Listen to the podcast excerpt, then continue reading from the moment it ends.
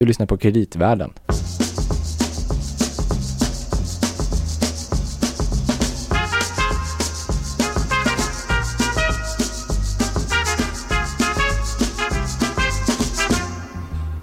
Varmt välkommen till det första avsnittet av Kreditvärlden. Jag sitter med Louis Landeman, chef för kreditanalysen på Danske Bank Markets. Hallå Gabriel. Och jag själv, som ni nu hörde, heter Gabriel. Eh, Jag jobbar som kreditanalytiker på Danske Bank Markets. Eh, Vi har tänkt att ta dig som lyssnar på en odyssé genom kreditmarknaden och mer specifikt det som rör företagsobligationer. Eh, Nu tänker nog kanske några lyssnare, yes, äntligen är det någon som tar tag i det här fantastiska ämnet. Jag tycker det låter superspännande. Ja, jag förstår det.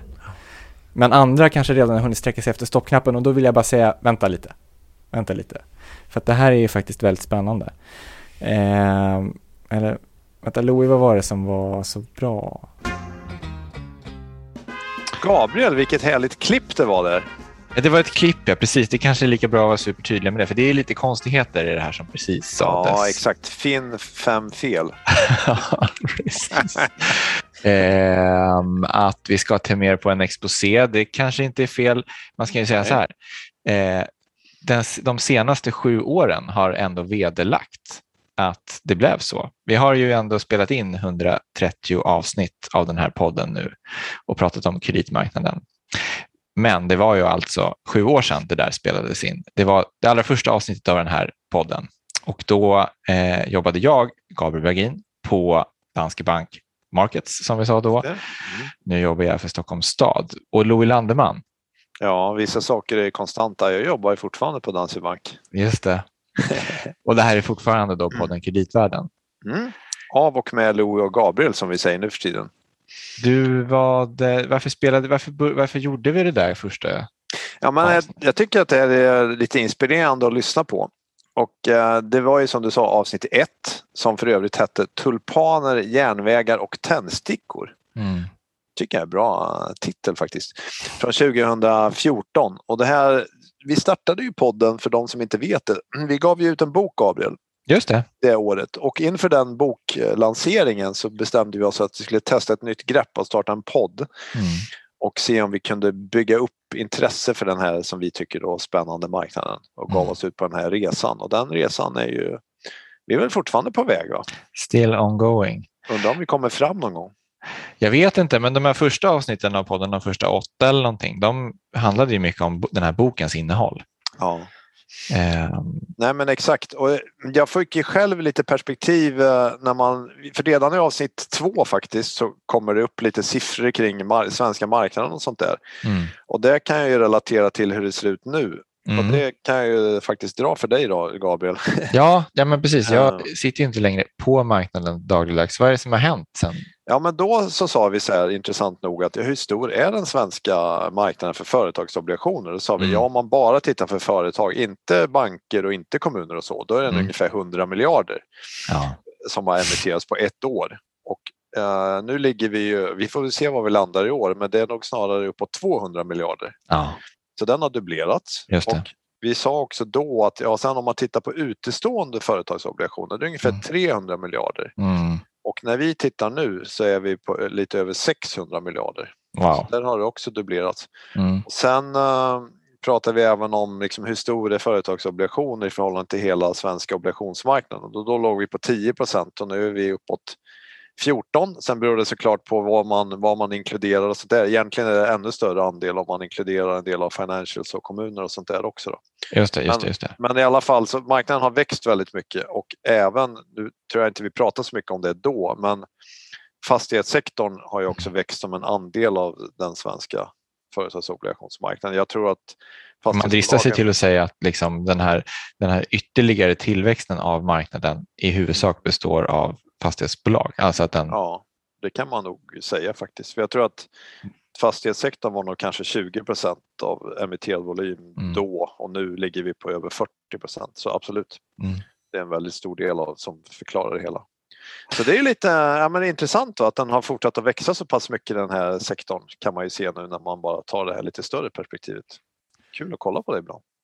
Verkligen. Ehm, och det har väl ändå varit så också för att en del, del av den här boken som kom då för sju år sedan, den handlade ju mycket om, om eftersom det är kreditmarknaden och företagsobligationer, om eh, vad som kan hända om det går fel, så att säga, om ja. risker och, och, vad som händer när ett bolag kanske inte kan betala sin skuld. Men där har det väl också hänt ganska mycket de senaste sju åren. Alltså om man tänker, när första boken kom och vi spelade in det där första avsnittet så var det inte så många svenska bolag som hade drabbats av det eh, trista ödet. Nej men så är det, det är en ny gammal, en mark, gammal marknad som har kommit tillbaka och det är klart att det, den liksom, eh, allt eftersom marknaden växer och blir större så utvecklas ju också hur man uh, jobbar på marknaden. Det är väl allt ifrån transparens till som du säger de här, alltså dokumentationen och sen processerna när någonting går fel. Mm. Och även andra saker som har hänt uh, är ju kring det här med hållbarhet och håll, hållbara investeringar är som ett stort tema men den hållbara delen, om man säger hållbara obligationer, har ju också blivit en väldigt mycket större del av marknaden, speciellt i Sverige. Mm. Uh, jag ska säga då för sju år sedan så ja, det fanns ju gröna obligationer men det var, det var en ganska liten del av marknaden faktiskt. Just det. Ja, det låter som att det finns ganska mycket som man skulle egentligen behöva alltså, ta ett nytt grepp kring kanske och, och lägga till i en sån här bok. Och vet du vad Gabriel? Nej. Vi har ju sån tur. Ja, vadå? För precis i dagarna så har det ju kommit en, en, en eh, ny version av den här, en ny upplaga av den här boken. Nej, men det låter ju helt fantastiskt. Ja. Jag tänkte att vi skulle kunna liksom, uh, ta upp och prata kring en del av de temana som kommer i den nya boken. Så att den är, är lanserad och precis som förra gången, den kom på Ekelis förlag Mm. Uh, så heter den från AAA till konkurs och det känner ju du igen Gabriel. Hela marknaden från det mest kreditvärdiga ner till de här konkurserna som vi är inne på. Just det. Mm. Och sen några andra grejer som är då nya ska sägas. Som är, för att en del är ju omarbetningar av det som du och jag gjorde men vi har också utvecklat det nu med att vi inkluderar det med hållbara investeringar. Mm titta lite mer på rekonstruktioner. Vi har nya fallstudier och sen även i ljuset av vad som hände här i samband med Corona så är det också en del som är kring marknadens funktionssätt. Just det, precis. Och inte minst det här med transparens och liksom, ja, precis. Precis, och då för att ha möjlighet och tid att skriva kring alla de här ja. sakerna så är det så att vi har ett par nya medskribenter som är med den här gången. Så att i tillägg till mig själv så är det då David Andrén och Kristoffer Hellesnäs. Då ska vi säga att vi har David med oss här tror jag. Är du med David? Jajamän, hallå hallå! Hej David! Där. Och för de som inte känner till dig, du jobbar också på Danske Bank, eller hur? Ja, det stämmer. I rollen som kreditanalytiker? Ja, precis. Så eh, i din grupp så att säga. Just det, precis. Och vi ska också säga att Kristoffer som tyvärr inte hade möjlighet att vara med idag, han jobbar på Carnegie, uh, Carnegie Investment Bank och mm. jobbar också med kreditanalyser ska sägas. Och vi har delat upp arbetet lite lite mellan oss tre. Så vi tänkte att vi skulle prata lite mer med dig idag David, för du har ju varit inne på det här just kring det här med rekonstruktioner. Mm. Och och så ska jag också säga att vi hoppas då under senare avsnitt under hösten ta upp en andra teman i boken och ska också säga då att Kristoffer till exempel, han har jobbat med det här kring marknadens funktionssätt och eh, även investeringsstrategier. Så det är ett tema som vi gärna vill komma tillbaka till och vi kommer även att komma tillbaka till det här med hållbara investeringar där jag själv har varit eh, författare. Men, eh, men David, vi kan väl, jag tänkte så här, det skulle vara intressant att höra lite grann med dig kring det här apropå att det har hänt mycket. För jag tänkte så här, eh, inte minst det här med eh, den pandemi som har varit. Känns ju som att det har skakat om rätt mycket även på vår marknad. Ja, de delarna som jag har jobbat mycket med i, i boken här rör ju då, precis som du var inne på, men rekonstruktioner och konkurser och där har vi ju sett en ganska dramatisk utveckling på obligationsmarknaden.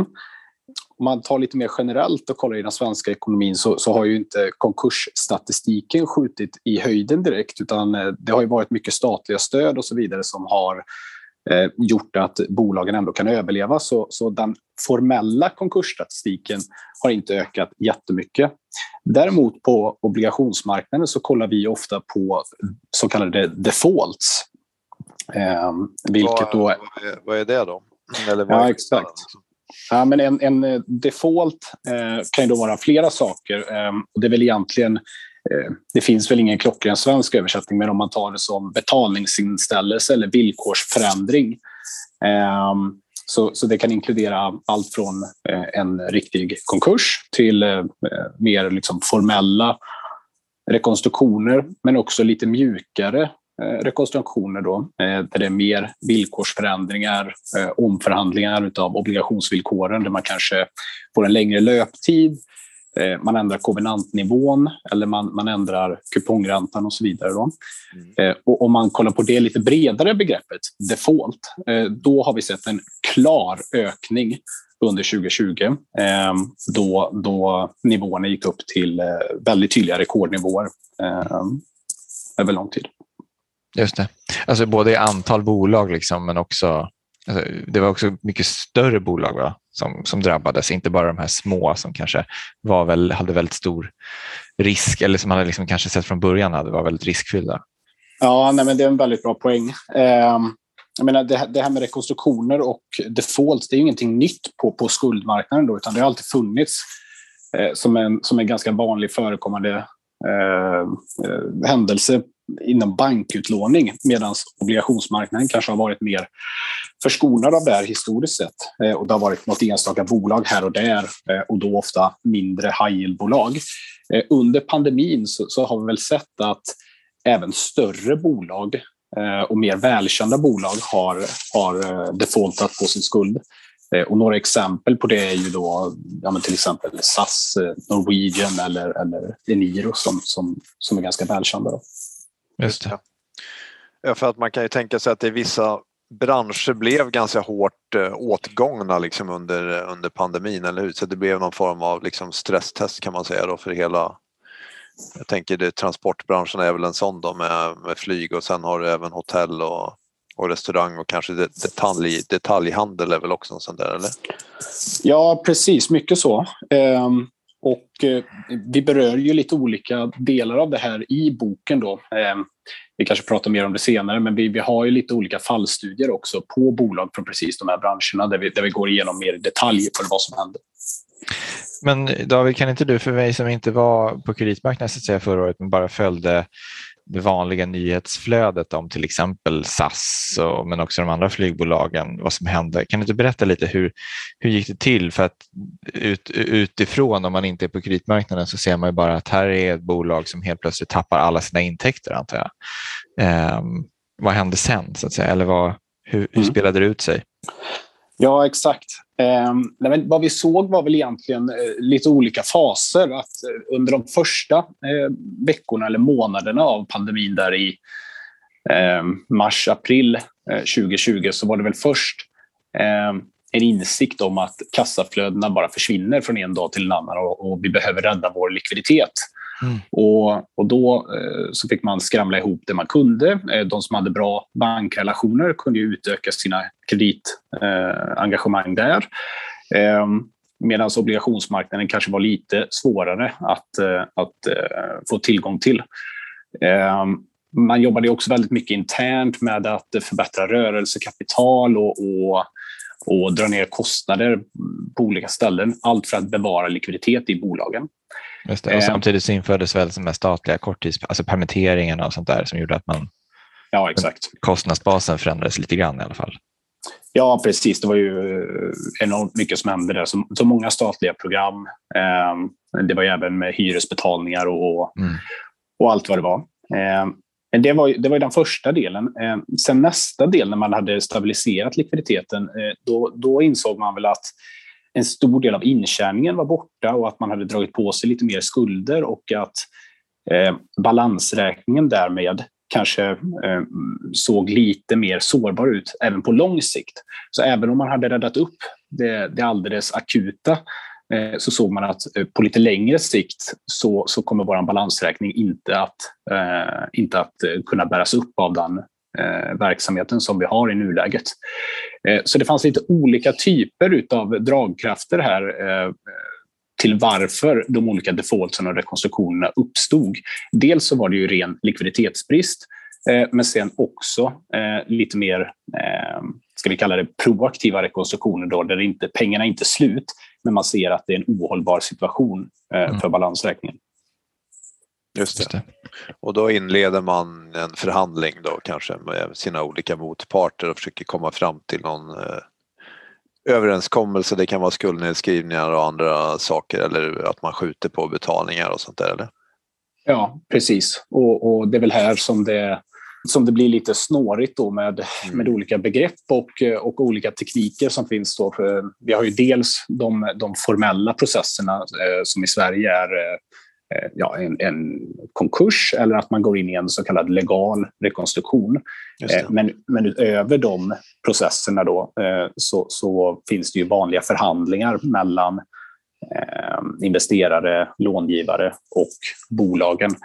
Och det är väl där som vi har sett mycket hända under det senaste året i hur både bolag beter sig mot, mot marknaden och, hur, man, hur man Eh, vill förändra och sen även då hur investerarna har blivit mer och mer vana vid de här situationerna så att man kanske tar och organiserar sig på ett annat sätt och man vet vilka krav man kan ställa mot de här bolagen som vill göra förändringar i, sin, i sina villkor.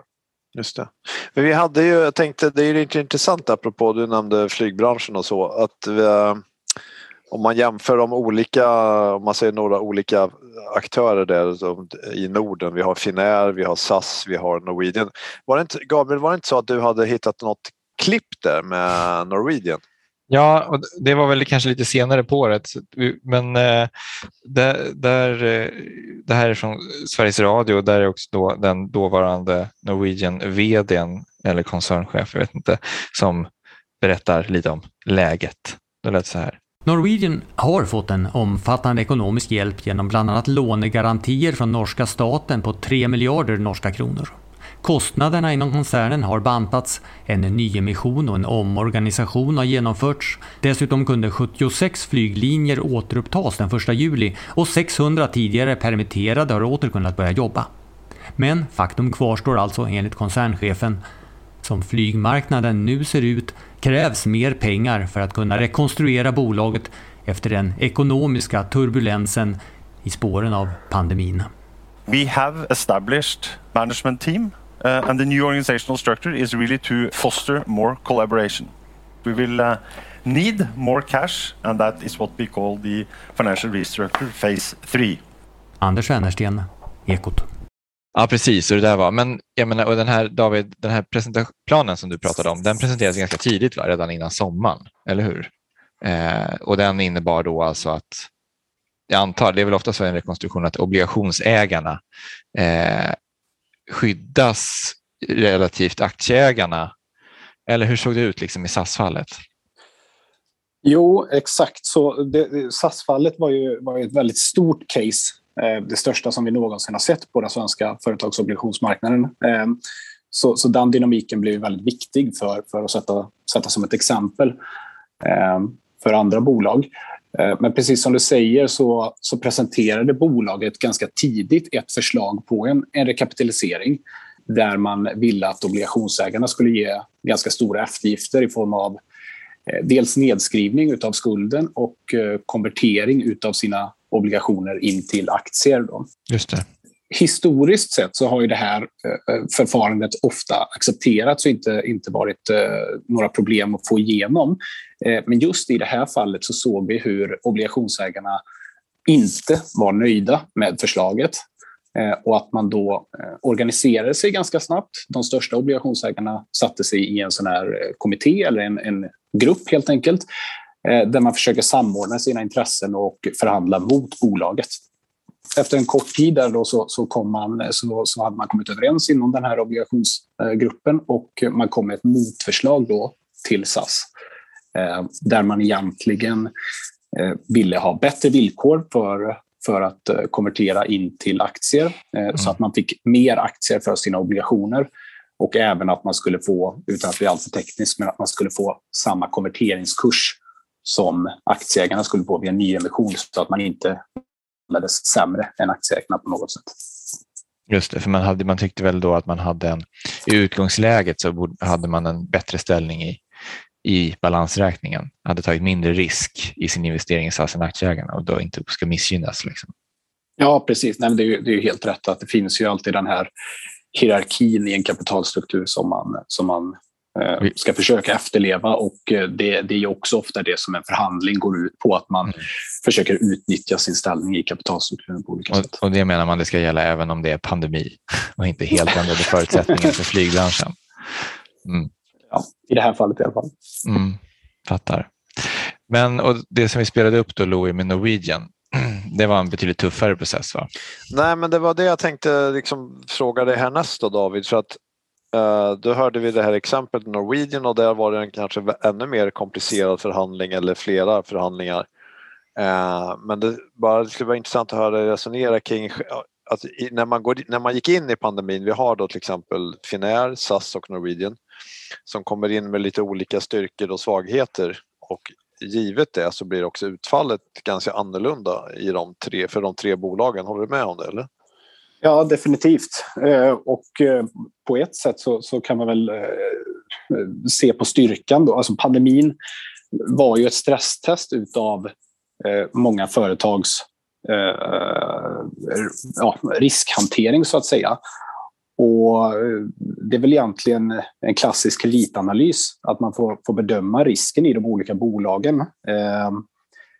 Vad vi såg ganska tydligt var ju att Norwegian under flera år hade varit väldigt, väldigt aggressiva och expansiva. Eh, dels i hur man eh, växte rent operationellt, man öppnade mycket nya rutter över, eh, runt omkring Europa, men även transatlantic, eh, så att man flög till både Sydamerika och Nordamerika och, och, försökte verkligen stöpa om hela flygbranschen. Och det här gjorde man genom att belåna sig väldigt högt och eh, ja, expandera på, på många aggressiva sätt. När sen då pandemin kommer och eh, sätter stopp för allt det här, eh, då är Norwegian ett väldigt, väldigt sårbart bolag. Och det blev också väldigt tydligt. Ehm, det fanns väl egentligen ingen skyddskudde alls, utan på några veckor Eh, så såg man att bolaget var i princip konkursmässigt. Och, och då, blev det, då blev det att man fick förhandla mycket mellan alla olika delar i kapitalstrukturen med aktieägare och, och, och obligationsinnehavare. Man tog även extern hjälp då med den norska staten på olika sätt. Ehm, men trots det här då eh, så, så, ja, så fick man inleda en väldigt eh, lång och komplex rekonstruktionsprocess där eh, egentligen så är väl inte utfallet helt klart än. Men, men det är väldigt tydligt att i princip alla som hade investerat i bolaget har förlorat väldigt mycket pengar. Och eh, Finnair då, det, man kan säga att de är någonstans i andra änden av det här spektret då kanske? Eller? Ja, ja exakt. Men det, det är en bra poäng. Eh, Finnair gick ju in i, i, i coronakrisen då med en väldigt mycket min, lägre riskprofil, eh, en väldigt stark balansräkning. Och det här gjorde ju då att Eh, man, kunde, eh, man kunde ta eh, en mer avslappnad, inte avslappnad, men kanske en mer sansad approach till det hela. Där man kollade vad som hände, hur mycket pengar behöver vi? Vad har vi för möjligheter här att, att dra ner på vår verksamhet och hur länge kan vi överleva? och Finnair då med sin starka likviditet och sin starka balansräkning kunde ju klara av det här på egen hand så att säga man fick göra en, liten ny, en mindre nyemission och även en, en, eh, en mindre eh, obligationsemission. Eh, men utöver det så har egentligen alla investerare klarat sig helskinnade. Eh, så det är väldigt, väldigt stor skillnad mot hur, hur eh, det spelades ut i Norwegian. Och det, det är väl egentligen, som jag sa tidigare, en, eh, en klassisk liksom, kreditanalys som man eh, får göra där, där risken i Finnair är mindre medan risken är större i Norwegian. Mm. Och när det väl händer någonting då, eh, ja, då, då, då, får man ta förluster om man har varit i det mer riskfyllda caset. Mm. Spännande. Och det här kan man läsa mer om i boken om man vill veta det. Och sen var det också några andra, vad var det mer för fallstudier? Just det. Men vi har några andra fallstudier också på, på tre andra bolag. Det är dels ja, SAS, då, men, men övriga bolag är Strömma, turism och sjöfart. Vi har RMB, Retail and Brands och eh, eh, Stockman, då, det finska eh, det. modeföretaget eller detaljhandelsföretaget. Och dynamiken i de här, varför vi har valt just de här eh, casen är, eh, Eh, ja, dels då så, så, tycker vi att eh, det är intressant att alla, alla gick igenom en, en form av rekonstruktion under pandemin. Eh, men dynamiken och de bakomliggande orsakerna för de här casen skiljer sig väldigt mycket åt. Så att man kontrasterar väldigt många olika situationer. Just det. Men David, en fråga till dig. Finns det, har, du något tips här för den, har du något tips här för den som funderar på hur kan man innan det sker en sån här kris, hur kan man, finns det något tecken man kan se på för att hitta så här eventuellt krisande bolag eller? Mm. Jo, men det, det, det, finns väl alltid signaler så att säga om, om, eh, om att allting inte står rätt till. Man ska naturligtvis alltid göra en, en ganska grundlig bolagsbedömning och kolla på eh, finansiella nyckeltal och finansiell utveckling. Eh, men utöver det så, så, finns det ju lite mjukare eh, signaler som man också kan kolla på. Eh, dels så är det rörelsekapitalet som vi, vi kollar väldigt mycket på. Rörelsekapitalet är ofta kommunicerande för hur kassaflödet kommer gå. Mm. Eh, till exempelvis då om leverantörsskulderna ökar väldigt kraftigt Eh, då, då kan det vara en signal om att ett bolag har börjat dra på betalningar eller till och med slutat att betala leverantörer. Eh, det är ofta inget bra tecken. Likadant om kundfordringar helt plötsligt skjuter i höjden så kan det vara ett eh, tecken på att försäljningen inte är lika stark som den har varit tidigare utan för att få till en försäljning så måste man erbjuda bättre betalningsvillkor. Och över tid så kommer det här vara negativt för kreditprofilen. Men sen finns det även andra, andra tecken som till exempel eh, avhopp av nyckelpersoner. Eh, bolaget har svårt att behålla eh, rätt kompetens. Eh, man ser att det sker mer och mer justeringar i de finansiella räkenskaperna.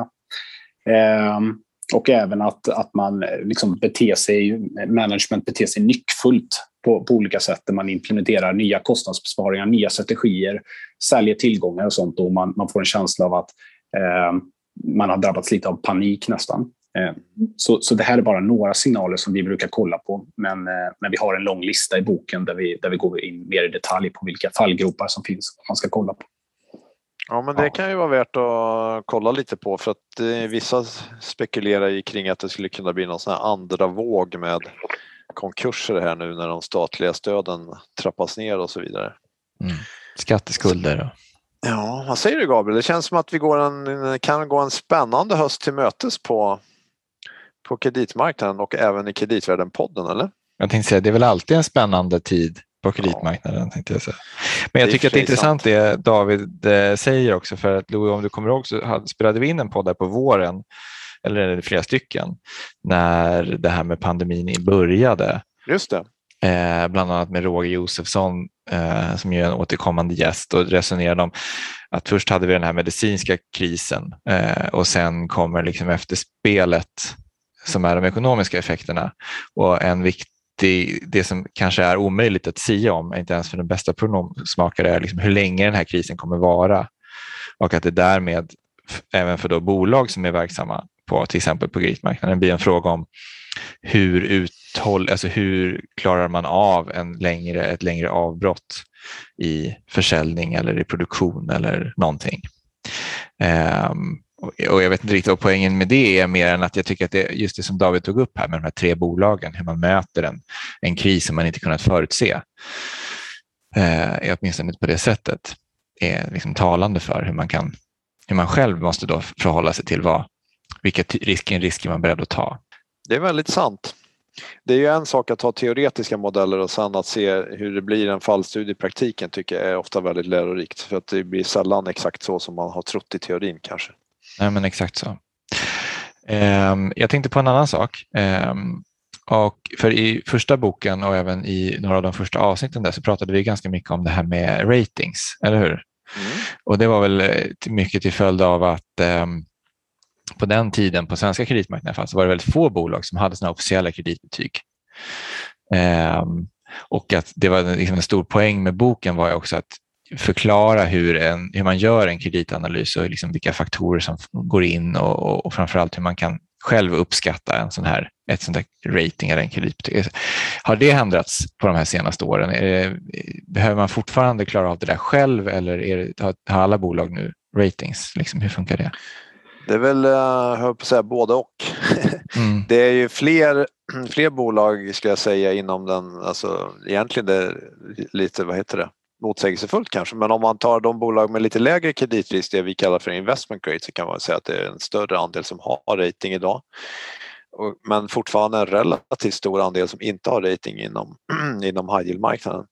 Och vad som har hänt är väl att en del bolag har blivit så stora så att de är mer ute på euromarknaden och då måste man skaffa en rating därför, ofta från något av de större instituten. Sen har det också vuxit fram här egentligen under de senaste åren kan man säga några lokala aktörer så det har ju blivit fler ratinginstitut och där har du framförallt här i Norden och Sverige sett de som kallas för Nordic Credit Rating som då är ett eh, nordiskt ratinginstitut och de har ju ökat sin närvaro. Så det har också blivit vad ska man säga, en bredare palett av ratinginstitut att välja bland eh, från, från företagens sida. Just det. Men över tiden, ja, så går väl trenden mot att det blir att det blir fler ratings, publika ratings. På den tiden när vi gjorde förra boken Gabriel, då var, då var det ju vi banker som gjorde de här som man kallar för skuggratings, eller hur? Så att vi liksom täckte det gapet men det har vi ju fått sluta med sedan dess. Just det. Vilket gjorde att det liksom blev ett ökat behov kanske av de här ratinginstituten av, delvis av den orsaken också. Men fortsatt viktigt att göra sin egen kreditanalys då? Det är alltid viktigt.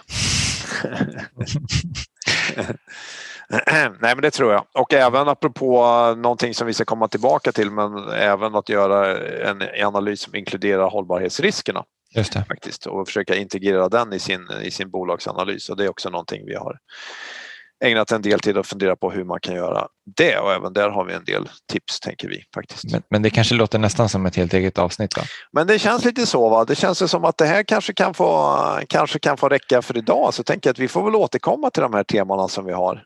Verkligen. Och, och även säger, allt men... annat spännande som händer.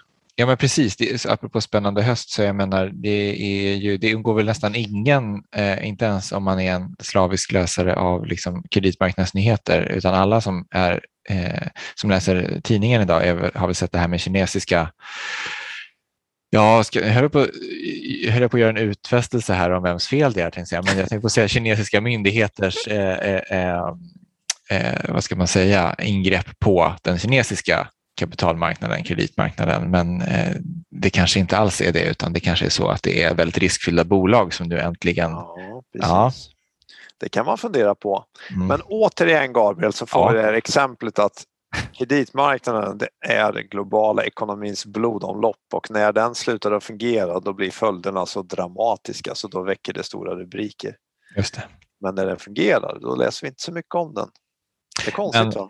Men, men i kreditvärldens pulsåder så, puls, så, så pumpar det ständigt ny spännande information och analyser.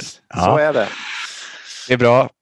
Eh, men då ska man alltså, Louie, om man tycker att det här verkar spännande, om man kanske hade den förra boken eh, och vill uppdatera sig eller om man har missat att det finns en bok på svenska om företagsobligationer och allt det här spännande som vi pratat om. Hur gör man då? då? Ja, men då får man antingen tittar man liksom digit, hos sin digitala bokhandlare eller så går man in i en vanlig bokhandel så letar man efter företagsobligationer. Den heter så, ja, företagsobligationer. Ja. Från AAA till konkurs, andra ja. upplagan. Ja. Och där kan man hitta den. Den är en ny grön färg också. Passande. Väldigt fint. Mm. Passande. Ja, nej, men grymt. Så stort tack för idag hörni. Tack mm. David. Tack, tack. Tack Louis. Tack Gabriel. Ja, tack. Och jag tänker vi avrundar med någon, det kan bli någon form av lite specialmixad obligationslåt eventuellt. Visst. Vad tror du om det? Det låter utmärkt. Allt på en gång. Det var ju, det hade ju det i avsnitt ett, så hade vi den här obligationsmarschen. Ja, visst. Den får man nästan aldrig nog av. Nej. Bra, tack hörni. Tack eh, för idag. Kul mot nya äventyr på kreditmarknaden. Och på återhörande. Hej då. Hej hej. Kom med, kom med bland gäss och kor till Tommelilla postkontor och stå med oss i kö. Här ligger slätten vid och stor och vetet trivs och livet gror i sockerbetans frö. Än finns här namn som i bankerna går. I Simrishamn och Kristianstad i år Går du med efter obligationer. Har du hört vilken ränta du får? Vi ska skramla till många miljoner. Vi ska tämma vår spargris